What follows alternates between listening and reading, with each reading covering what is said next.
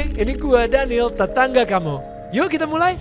Uh, Bu Lelana, kalau dari segi um, kesuksesan sendiri, gitu. Saya Iya. saya saya penasaran sih. Saya um, itu di tahun 2000 kan gak ngira ya hidupnya sampai akhirnya jadi seperti ini gitu. Iya, iya. Yesus bilang uh, you cannot serve two masters, Yes, ya kan? Gak yes. bisa melayani dua Dua master. dua Tuhan, Dua Tuhan Tuhan. gitu. Iya. Eh, antara engkau akan membenci yang satu, engkau akan eh, mencintai yang satunya Iya. lagi gitu kan.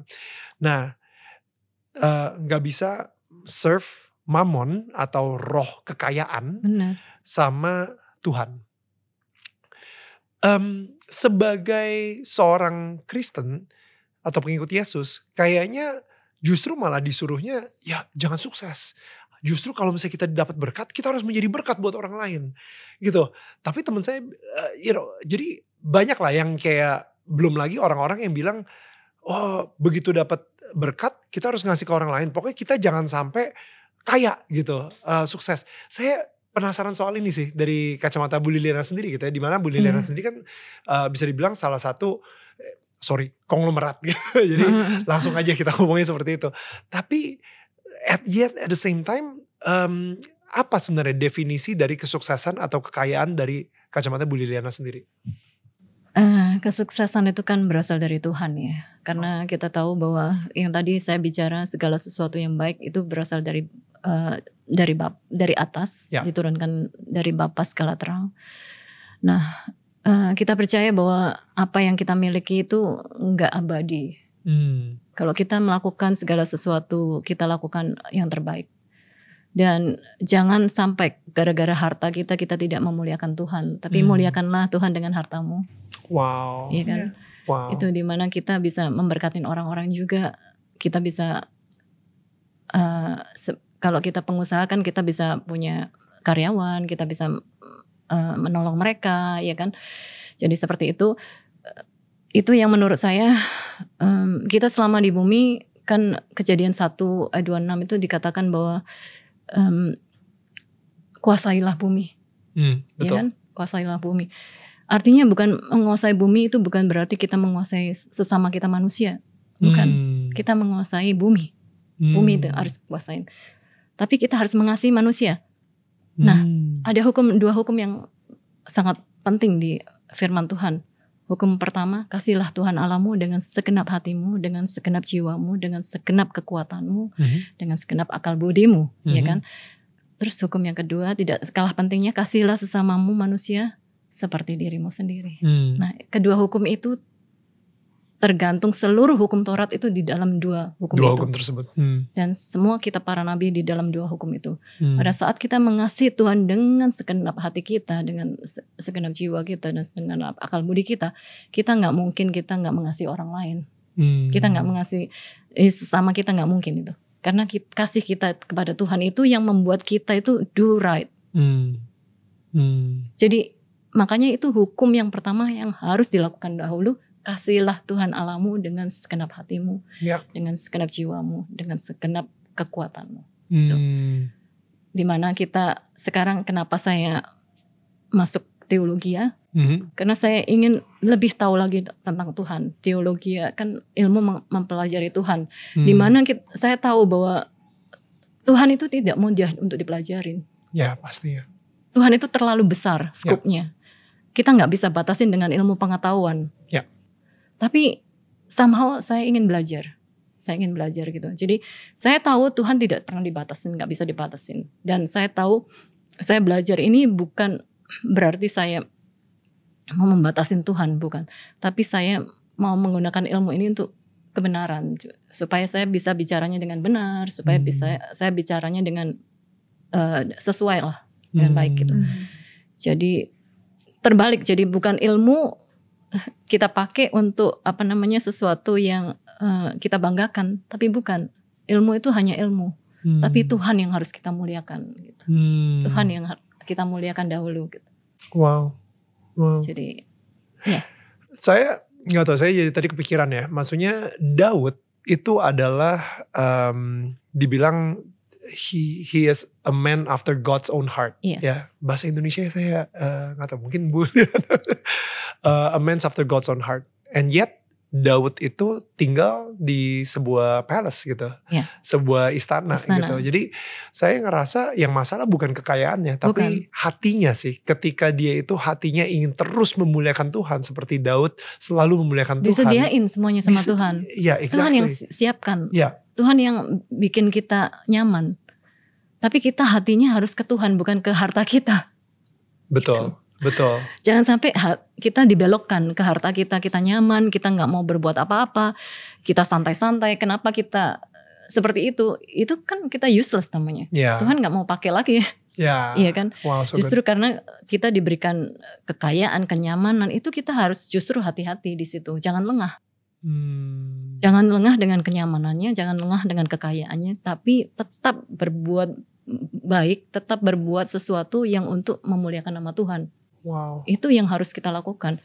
Karena pada awalnya Tuhan itu menciptakan manusia, Tuhan itu mau His kingdom itu datang ke bumi. Ya. Kingdom, Ya. the kingdom of God, kerajaan Tuhan, Tuhan, ya. itu datang ke bumi Hmm. untuk menguasai bumi pada mulanya seperti itu. Hmm. Karena dosa, karena Betul. ketidaktaatan. Dosa yang utama itu tidak taat. Hmm. Pada saat kita tidak taat sama Tuhan, itu kita sangat-sangat hancur kita. Ya. Ketaatan itu sangat penting di hadapan Tuhan. Hmm. Hmm. Nah, Itu yang Tuhan mau inginkan setiap daripada kita yang mengerti bahwa kita itu sebagai anak-anak Tuhan, kita harus bisa memberi me- apa ya, menjadi terang, menjadi garam, terang dan garam Hmm. dengan apa? Dengan kelakuan kita tentunya, dengan perkataan kita, Hmm. dengan dengan kesetiaan kita, dengan kasih kita. Wow. Itu yang harus kita lakukan. Ya. That's beautiful. Saya ngerasa kayak ketika Tuhan memberikan kita berkat, kesuksesan, kekayaan, dan kita salurkan, kita Iya. menjadi penyalur dari berkatnya Tuhan. Iya, Itu kayaknya kita masih ada gunanya gitu. iya, Tapi ketika berkat itu kita simpan sendiri, iya, akhirnya berkatnya Tuhan gak disalurkan ke siapa-siapa dan kita simpan sendiri, kita jadi nggak ada gunanya lagi. Jadi- nggak berguna. Ini- Iya, Iya kan? berguna. Em, Justru kita baru bisa menjadi manusia yang berguna ketika kita bisa menjadi penyalur berkat. Kita masih menjadi masih minta sama Tuhan, Tuhan jadikan aku alatmu Iya. untuk sebagai penyalur berkat dari Tuhan gitu. Iya, Em, dan itu yang saya lihat dari hidupnya seorang Bu Liliana dan juga Pak Hari juga sih. Ngomongin soal em, pernikahan. pernikahan. Iya. So, um, Bu Liliana sama Pak Hari sudah menikah 37 tahun. Iya. Um, balik lagi tadi ke yang istri yang cakap gitu ya. Di mana sekarang ini saya ngeliat Bu Liliana sendiri itu se- seorang wanita yang sangat independen, Iya. um, career woman yang you know what you want, uh, semuanya terstruktur dan lain-lain gitu ya, bisa memimpin uh, seperti Miss Indonesia dan uh, Miss World juga gitu. Jadi saya ngerasa secara uh, kehebatan, hebat banget gitu. Nah, so uh, saya kalau misalnya seorang sorry alpha woman maybe dengan dengan seorang Pak Hari juga yang yang am- amazing alpha man juga gitu. Saya bingung sih pernikahannya sendiri gimana? Nggak gontok-gontokan gitu ya? Banyak-banyak berantemnya atau gimana? Berantem sih enggak ya. Maksudnya em, Bapak Hari kan orangnya keras juga ya. Kalau saya kan orangnya lebih ngalah gitu loh. Jadi kalau misalnya kalau ada misalnya ada pertikaian atau apa gitu, ya saya lebih baik diem gitu karena eh, menurut saya enggak enggak bagus kalau dua-duanya speak Sama-sama up. keras. Iya. satunya ngomong, satunya ngomong gitu nggak ada habisnya nantinya. Mendingan ya salah satu diem gitu loh. Jadi meskipun ya yang salah siapa nggak tahu juga. Kadang-kadang kita yang minta maaf gitu ya gitu. Jadi ya kita pokoknya berusaha untuk selalu mengerti lah. Dulu makanya itu kita itu selalu belajar apa ya dari semua itu karena kebaikan Tuhan karena Tuhan yang teach us ya melalui Roh Kudusnya. Jadi dulu itu kan saya tuh pemalu, sus, maksudnya susah lah kalau saya suruh Ngomong anu bicara depan depan orang gitu. Ya. Rasanya enggak enggak ini, tapi saya itu orangnya taat. Yang Hmm. penting itu taat. taat. Jadi kalau Tuhan mau suruh saya apa aja saya lakukan gitu. Meskipun saya kadang-kadang malu sampai malunya gimana itu saya lakukan gitu. Hmm. Karena saya bilang saya itu mau taat sama Engkau Tuhan gitu. Jadi Wow. jadi apa pun somehow itu saya itu diposisikan di depan. Saya harus ngomong, saya harus ngomong gitu. Hmm. Jadi lucu juga padahal saya orangnya pendiam kan. Ya. Dan saya juga rasanya lebih baik saya nulis gitu kan. Saya sukanya nulis gitu. Suka. Daripada saya tuh banyak ngomong, saya nggak bisa banyak ngomong. Makanya kadang-kadang suruh ngomong, aduh gimana ya gitu. Ya, ya. Jadi bicara tuh menurut saya, saya lebih senang nulis daripada saya bicara gitu. Mhm. Tapi somehow Tuhan itu membentuk saya gitu. Selalu Hmm. membentuk saya untuk saya tuh berani tampil ke depan gitu. Hmm. Wow. Gi- Gimana tuh bisa nikah 37 tahun? Iya itu eh, pertama karena kita eh, ya harus kita mengerti satu dengan pengertian komunikasi.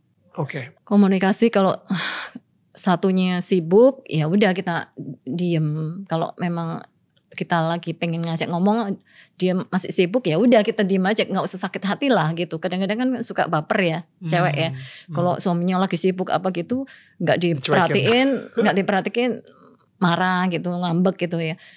Dulu saya gitu orangnya, suka-suka kayak gitu. Ini kok sibuk banget sih.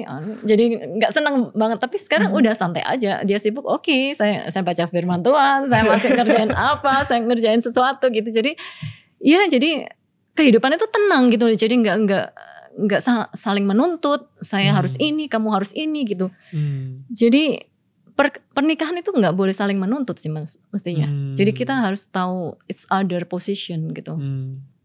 Memang konsekuensinya punya suami pengusaha Hmm. yang harus ngidupin banyak orang, ya Ya. udah dia harus kerja keras, Ya. iya kan? ya. Yang mana ya udah waktunya cuma kita ingetin aja, jangan capek-capek, harus eh, ini apa minum vitamin apa gitu aja. Itu aja sih. Jadi kita nggak bisa batasin dia pekerjaan dia sampai gimana karena itu yang malah bikin clash nantinya, iya kan? Mhm. Hmm. Jadi tuntutan terlalu banyak tuntutan itu nggak Ya. boleh. Ya, ya. Ter- uh, menaruh ekspektasi kebanyakan Ekspektasi terlalu kepada- besar Ya. gitu. Jadi kita bisa mem- apa membina rumah tangga dengan baik itu kita saling membantu karena seharusnya perempuan itu ditaruh di keluarga itu perempuan yang lebih kuat daripada laki-laki. Iya kan? Boleh You're also strong. Thank you. Laki-laki kuat. Enggak. Kenapa posisinya perempuan sebagai penolong? Hmm. Karena perempuan itu seharusnya yang lebih kuat dari laki-laki. Jadi Yeah. harus mengerti. Mhm. Jadi kita itu yang diposisikan harus yang lebih ngerti daripada eh, kita nggak boleh menuntut gitu. Jadi nggak boleh menuntut dia. Justru kita yang harus ngerti. Kadang-kadang kan perempuannya nggak mau ngerti, nggak mau ngalah gitu. Apalagi kan kalau udah career woman ya, career woman kan eh siapa lu gitu. Hmm. ya kan gitu kayak gitu-gitu apalagi kalau mereka yang salarinya lebih tinggi dari suaminya waduh itu bahaya juga tidak boleh harus submit di bawah suami harus itu Hmm. meskipun dia salarinya lebih tinggi saya selalu ngomong sama anak-anak saya jadi suami istri itu istri harus di bawah suami suami harus memimpin Mhm. Karena itu memang tugas utama laki-laki yang jadi pemimpin Hmm. kita mesti submit di bawahnya bukan di bawahnya aja kita di sampingnya Hmm. karena karena di sisinya kan nggak nggak boleh di belakangnya Ya. Hmm. kita harus di sisinya Hmm. kan banyak orang bilang behind every success man ada ada successful success woman. ya. woman yang di belakang bukan behind it's beside Wow. Yeah. karena That's so mereka And holding up. iya mereka bersama-sama kan gitu Yeah. beside not That's so behind I think it's one of your secrets of a long marriage uh, is that you let your husband lead, and you. Um, th- I think that's a very important uh, secret, actually. yeah It, it might seem like small, you know, when she says it, but I, I feel like it's a really big thing. Uh, knowing that even you might be better at things or stronger, yeah or you might make more money or whatever, you allow your husband to lead because that's what God designed it as. Like Yes, that the, the husband is the head of the, the house, of the right? house, yes And of course, like of course, like for example, for us, we do discuss things together, Mhm. but I leave the last decision to him, Mhm. right? But he takes my advice. Iya. So in a way, it still works out, right? Yeah, like, yeah. um, yeah. But I also feel like it's it's been good for our marriage to let you lead, Hmm. and I agree. Yeah, or do I not do that? Thank you. No. Thank you. Karena pertolongan Tuhan itu nggak pernah terlalu terlambat, nggak pernah terlambat malahan. Mhm. Ya. Tepat waktunya, gitu. Ya. Jadi pada saat apa pun kita perlu Tuhan, kita doa sama Tuhan bahwa God, I need this. Yeah. Mintalah maka Tuhan akan memberi. Carilah Hmm. maka Yeah. engkau akan mendapat. Ketuklah maka pintu akan dibukakan bagimu. Hmm. Itu kan janji Tuhan. Mm. Jadi kita kenapa orang percaya harus berdoa? Itu kunci utama prayer. Hmm. Doa. Doa itu sangat besar kuasanya. Ya. Wow. Doa itu ada waktu momen dari tadi kan ngomongin doa terus ya. Iya. Maksudnya kayak doa itu ada waktu momen tertentu kah atau doanya itu benar-benar kayak eh, bisa kapan aja kalau misalnya untuk Bu Liliana sendiri. Doa itu ada waktu tertentu, ada kapan saja. Oke. Jadi bukan kita harus berdoanya cuma tiga kali atau dua Hmm, kali atau hmm. Ya. waktu makan, waktu tidur, waktu bangun tidur. Tapi di dalam waktu kita bekerja kita bisa berdoa juga. Saat kita Hmm. bekerja kita juga misalnya kita memerlukan uh, wisdom dari dia, kita bisa bicara sama dia.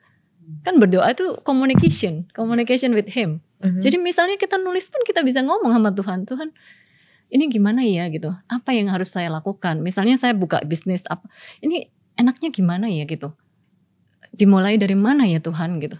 Kita bicara sama teman aja, yeah. tapi di dalam hati kita gitu. yeah. Jadi somehow nanti Tuhan itu akan kasih jalan aja gitu. Yeah. Hmm. How does God speak to you? When was a moment in your life where you realized God doesn't just listen, He also speaks? Saya tidak pernah mendengar Tuhan secara audible, nggak pernah, nggak pernah audible gitu nggak. Tapi somehow saya dikasih hikmat dari Tuhan, hikmat. Jadi benar-benar hikmat itu ada tiba-tiba, oh harus gini, harus ini, harus ini, gitu. Hmm. Seperti itu. Kayak sebuah pikiran muncul. Sebuah pikiran, ide, Hmm. Iya. ide muncul, iya. Dan Bu Liliana kan tipikal orang yang kayaknya visual ya. Iya, You're, you're iya. someone yang suka gambar Iya, gitu. saya Jadi suka kayak nulis. berarti kadang-kadang tuh bisa berupa visual gitu ya Bisa, idenya gitu. iya. Hmm. bisa berupa ide terus kayak misalnya kalau saya ngarang lagu kan biasanya timbul lagu timbul Hmm. suara Timbul timbul notasi. note ya Ya. padahal saya kan nggak nggak pernah main Piano. nggak nggak pernah main piano saya cuma pakai ketukan tangan kalau bikin lagu Oh, wow. iya What is that? ketukan Uh, tangan Uh, the tempo. Like Oh. when when she makes songs. Oh, Iya, yeah. iya Wow. Yeah. She make theme songs for um, Miss Indonesia. ya ya Miss kan? Indonesia Uh-huh. banyak And, and a few others, you know. Wow, what a gift. Yeah. Amazing. She's the creative one. Uh-huh. Iya, saya di side kreatif, more kreatif Bapak Ari yang Yeah. more ke hitung-hitungan bisnis. saya yang kreatif side. Mhm. Yang pokoknya tentang keindahan gitu. So, Iya. saya bisa. Tapi kalau misalnya interest ke arah politik ini dari siapa nih? Dari Bu Liliana atau dari Pak Hari? Pertama dari Pak Hari ya. Mhm. Em, karena suami dan istri itu kan jadi satu ya. Jadi pada saat kamu menikah, eh, kamu bukan dua orang lagi tapi satu. Ya. Satu roh, satu dag, maksudnya jadi satu satu daging. Mhm. Nah, em, pada saat Bapak Hari intensinya ke politik ya saya support. Hmm. Saya support karena saya tahu bahwa banyak orang bicara sama saya, "Kenapa kamu ke politik? Politik itu bukannya kotor ya?" Saya bilang, "Politik itu nggak kotor kalau orang-orang di dalamnya baik, orang-orang di dalamnya benar gitu." Kalau di dalamnya orang-orang yang keliru, orang-orang yang jahat, ya pasti politiknya jadi jahat. Saya bilang gitu, tapi Hmm. politik itu seharusnya mulia kalau di hadapan Tuhan. Kalau kamu bisa menjadi terang di situ Hmm. Yeah. kamu menjadi terang. Karena Tuhan yang mau. Jadilah kamu harus jadi terang di mana pun kamu berada mau dimasukin di dunia politik mau dimasukin dunia bisnis mau di family mau di Hmm. tujuh gunung itu itu Hmm. semua harus jadi terang kita Hmm. bukan hanya di di church juga kita harus jadi terang bukan berarti semua orang di church terang semua enggak juga Hmm. ya kan Hmm. That's good. Ooh. Uh. Kita kan harus harus jadi terang di mana aja kita Yeah. ada Yeah. Hmm. jadi itu yang membuat saya berani gitu untuk masuk politik karena banyak teman-teman bilang bukannya kamu udah nyaman ya justru saya tuh nyaman saya nggak mau terpesona di dalam kenyamanan saya Mhm. Wow. Mhm. justru saya itu harus melayani serving kan politik is about serving Hmm. Yeah. pelayanan Yeah. you cannot dilayanin orang bukan kamu dipuja-puja orang no you must serve other people Mhm. itu yang harus ditanamkan di dalam kata politik sih ya Yeah. politik itu aspirasi rakyat yang kita harus perjuangkan Mhm. ya kan Hmm. jadi nggak tahu Tuhan mau bawa saya ke mana saya ikut itu Ya. itu yang saya selalu bicara Tuhan mau bawa saya ke mana saya ikut meskipun saya nggak pernah punya background politik So Bu Liliana udah sempat doa soal politik nih ke Tuhan dan Tuhan sepertinya mengizinkan atau justru malah menyuruh untuk uh, Bu Liliana sendiri untuk terjun ke politik. saya saya kan selalu doa ya jadi kalau em, ke politik itu rasanya Tuhan nggak berbicara yang kamu nggak boleh gitu enggak Hmm. Justru malah- jangan- ya. Malah saya punya hati karena saya punya hati untuk Indonesia kan tugasnya seorang politisi itu apa sih? Eh, yes, melayani masyarakat gitu. Tapi kadang-kadang kan, um, what is the ultimate goal? Maksudnya melayaninya dari segi apa? Eh, ngasih mereka duit kah? no Eh, membuat regulasi yang seperti apa gitu misalnya? nah like, regulasi Oke. dari regulasi oke, dari regulasi semua regulasi itu harus ada ke keberpihakan jadi ada regulasi yang berpihak kepada rakyat kecil Mhm. harus ada regulasi yang eh, yang benar diterapkan benar-benar memang ada keberpihakan ke rakyat kecil tapi banyak regulasi itu yang diselewengkan juga kan Hmm. Nah. Tapi ya Bu, masuk politik itu menurut saya itu very risky sih. Saya kayak sama Viola gitu, kalau misalnya kita ngobrol gitu, saya juga bilang gitu, ada resiko yang sangat besar banget karena em, ketika masuk ke dunia politik yang gelap tadi Hmm. itu, ini nyerangnya bukan ke saya, bisa ke eh, Keluarga. keluarga gitu, ke anak-anak juga dan em, intimidasi-intimidasi yang benar-benar uh bikin kayak bisa jadi gila sih eh, secara mental dan belum lagi nggak tahu apakah itu netizen apakah itu bots yang bakal nyerang terus em, untuk kita benar-benar ya ngedropin mental kita aja. Bagaimana cara Bu Liliana sendiri? Kayak pertama udah siap ke politik dengan tahu bahwa bakal ada intimidasi itu gitu. Iya, eh, kita hidup itu kan selalu em, harus bisa take a risk gitu loh, Oke. ya kan? Nggak bisa kita hidup di zona nyaman terus. Hmm. Pada saat kita mau memulai sesuatu itu, mau bisnis pun, mau apa, itu kan ada risknya pasti. Mhm. Dengan terjun di politik pasti ada risknya juga, di mana em, banyak intimidasi, banyak banyak yang eh, musuhin kita atau Hmm. nggak suka sama kita karena beda choice Hmm. ya kan sometimes seperti gitu kan Mhm. Tapi eh, tetap kita berjalan apa pun kita jalankan dengan eh, benar seharusnya kita tidak eh, melakukan politik-politik yang kotor atau kita memfitnah orang itu itu nggak ada di kamus kita sih Hmm. nggak ada jadi kita berpolitik politik yang benar gitu. Hmm. pada saat kita yang mengalami intimidasi ya kita berserahnya kepada Tuhan Hmm. gitu harus kembalinya kepada Tuhan karena siapa sih yang bisa melawan Tuhan Hmm. ya kan Hmm. kalau Tuhan berkehendak pasti Tuhan yang lindungin kita gitu kita, Ya. Tuhan yang bisa protek kita Ya. bukan manusia Ya. jadi em, apa pun intimidasinya Hmm. kita harus doa banyak doa Hmm. perbanyak doa, perbanyak baca firman. Karena firman itu sangat menguatkan. Hmm. Pada saat kita lemah, Hmm. firman itu berbicara. Ya. Kuatkan dan teguhkanlah hatimu. Kuatkan dan teguhkanlah hatimu, ya kan? Hmm. Doa itu kayak semacam ya komunikasi ya sama Tuhan ya. Komunikasi. yang komunikasi eh, saya masih masih tertarik sih kayak saya ngelihat nih kehidupannya Bu Liliana itu oh, kalau misalnya of, of course kalau misalnya orang ngelihat dari luar gitu Iya. kan kayaknya wow enak banget gitu Em, apakah Bu Liliana bisa ada di posisi sekarang itu karena berdoa sehingga orang-orang nggak tahu bahaya nih mikir gitu ya Oke, berarti kalau misalnya gue doa, gue komunikasi, gue mesbah keluarga, nanti gue akan diberkatin juga seperti Bu Liliana gitu. Suatu saat aku akan menjadi konglomerat juga.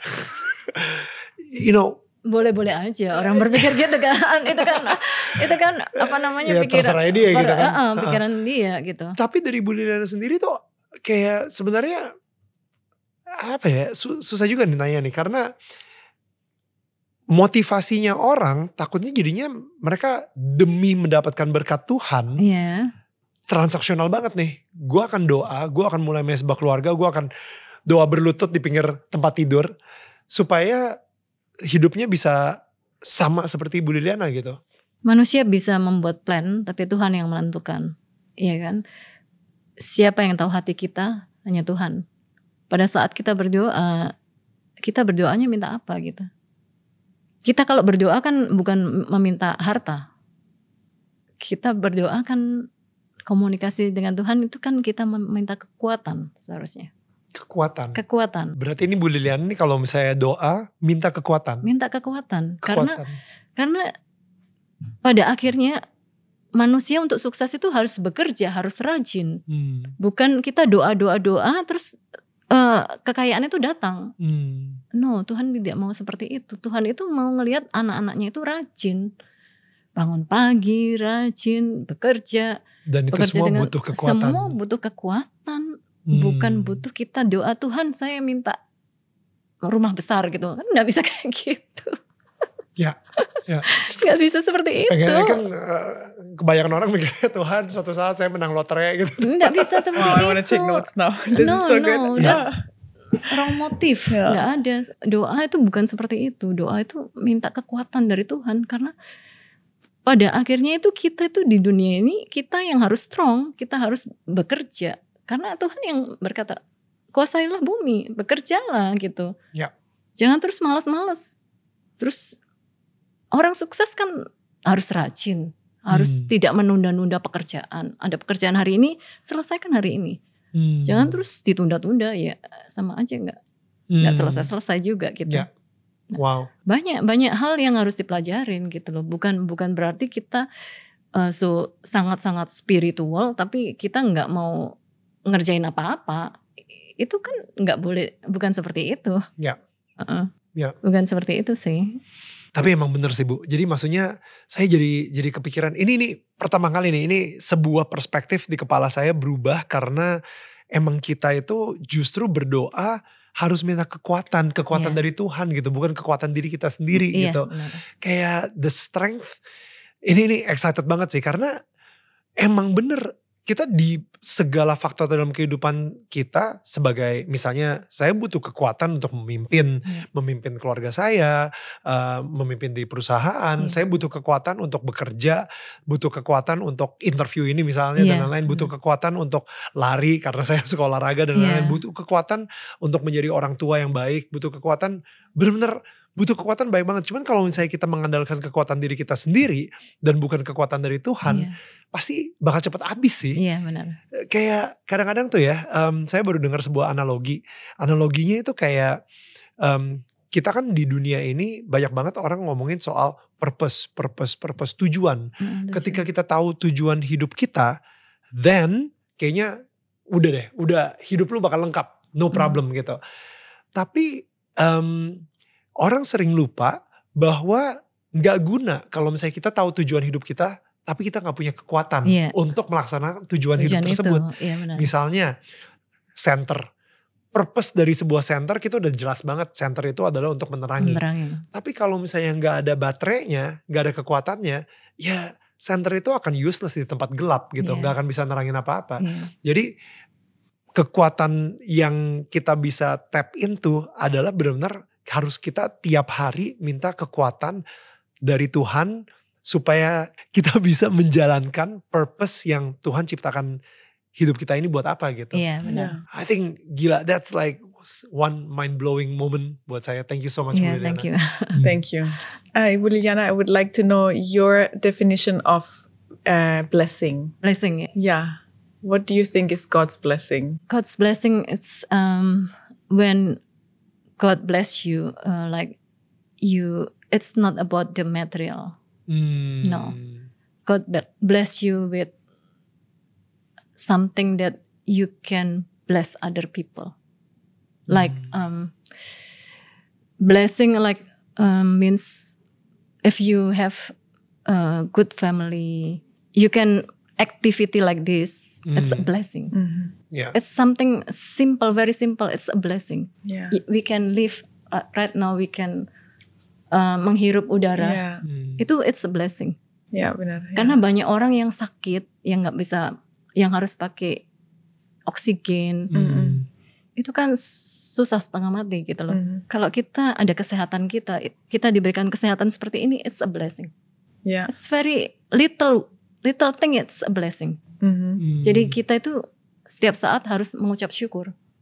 Karena bukan berarti kita mengucap syukur kita diberikan kekayaan, kita diberikan apa pun gitu, kecantikan atau apa. No, it's Mhm. not like that.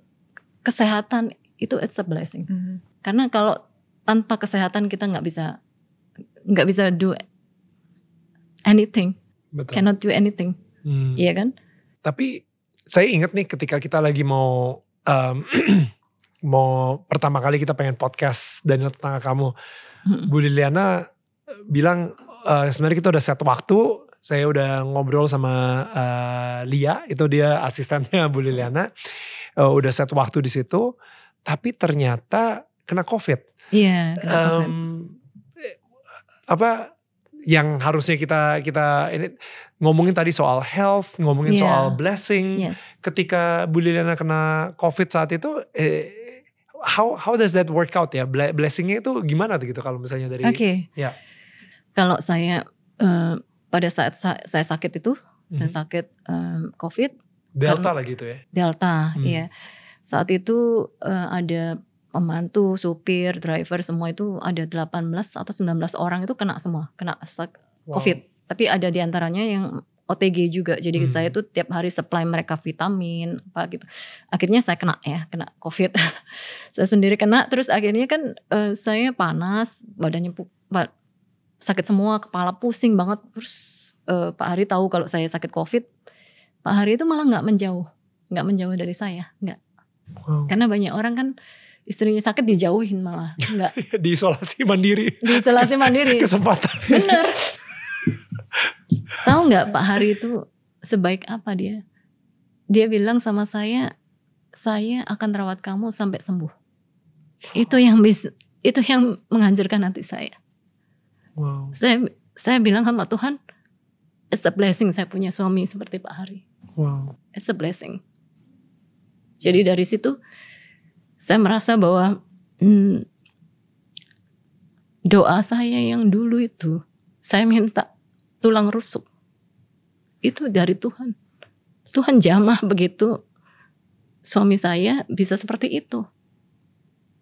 Itu kan benar-benar luar biasa, iya kan? Jadi nggak ada yang mustahil sih di hadapan Tuhan. Kalau kita meminta apa yang kita minta, Tuhan akan memberi. Dan kita mintanya bukan yang aneh-aneh ya. Kita minta sesuatu yang benar di hadapan Tuhan. Hmm. Mintalah maka akan diberi. Carilah maka akan kau akan mendapatkan kan. Ya. Ketuklah maka pintu akan dibukakan bagimu. Itu kembali lagi kita kembali ke Tuhan. Hmm. Kita nggak bisa minta ke siapa-siapa. Kita nggak bisa pergi ke orang lain gitu. Tapi harus datangnya ke Tuhan. Ya. Gitu. That's beautiful. Bu Liliana, thank you so much. Thank you banget. Yes. Um, Terima kasih banget. I think it's perfect ya. Itu benar-benar kayak one full circle dari yang tadinya doa untuk tulang rusuk sampai akhirnya di COVID kemarin Iya, terbukti iya, benar-benar um, Pak Harinya sendiri itu sebagai pelindung dari keluarga itu bilang oke saya akan temenin kamu sampai kamu sembuh. iya. Bahkan Pak Harinya sendiri kena, Kena COVID, juga, Iya, akhirnya kena kena Delta COVID. juga, Kena gitu Delta kan. 2, kita sama-sama eh, di rumah sakit yang sama, di kamar yang sama. Honeymoon lagi. Berdua tapi sakit. So um, Iya. thank you so much. Ini kita selalu memberikan ini nih kepada. Apa itu? Terima uh, kasih. Kayaknya saya nggak tahu deh kalau Pak Hari udah No, kita kasih belum belum ada ya. belum ada Belum ini ada ya. baru-baru Ini apa ya? Uh, oh ya ini isinya rumah. Sorry saya bukain aja. Rumah ya udah Jadi uh, betul. Ini isinya kayak lucu ya. iya ini rumah kecil gini. So Ah, bisa Daniel. diisiin pelita gitu apa uh, bisa Ah, diisiin lilin, gitu. Jadi iya. ini seperti simbol untuk menandakan bahwa rumahnya dari Bu Liliana dan Pak Hari itu udah ada menjadi terang. terang. dan terangnya ini bisa menerangi tetangga-tetangga di sekitar gitu. Amin. Ya, amin. Bersyukur lah. Yoi. Terima Dan kasih. um, thank you banget buat waktunya. Terima Dan kasih ya Daniel. beneran kita Makasih, kita berdua itu seperti eh, bener sih. Tadi kayak banyak banget pengen nyatetnya. Yeah. yeah. Yeah. Banyak banget pengen nyatetnya. So thank you so much Thank for you so much. your time. Thank you so Yes. much for the wisdom. Yes. Thank you for Um, your wisdom. Kita doakan yang terbaik banget dan kesuksesan terus juga Iya, terima buat Bu. Liliana dan juga Pak Hari. Thank you. So kepada semua tetangga kita yang udah nonton, Iya. uh, mudah-mudahan kalian juga mendapatkan banyak hal seperti apa yang gue sama Viola dapetin juga. Kita akan ketemu lagi minggu depan dan tetangga saling menyangga bukan menyanggah. Bye guys, thank you. Thank you. Thank you so much guys sudah mendengarkan podcast Daniel Tetangga Kamu. Dan jangan lupa di follow podcastnya dan share ke sosial media kalian menggunakan hashtag Daniel Tetangga Kamu. Sebisa mungkin gue akan repost keseruan kalian ketika lagi mendengarkan podcast ini. Kalian juga bisa menyaksikan Daniel Tetangga Kamu setiap hari jam 4 sore waktu Indonesia bagian Barat di channel YouTube Daniel Mananta Network. Karena setiap minggunya akan ada sosok-sosok inspiratif yang akan menceritakan perjalanan hidup mereka dan hubungan mereka dengan Tuhan. Sampai ketemu minggu depan.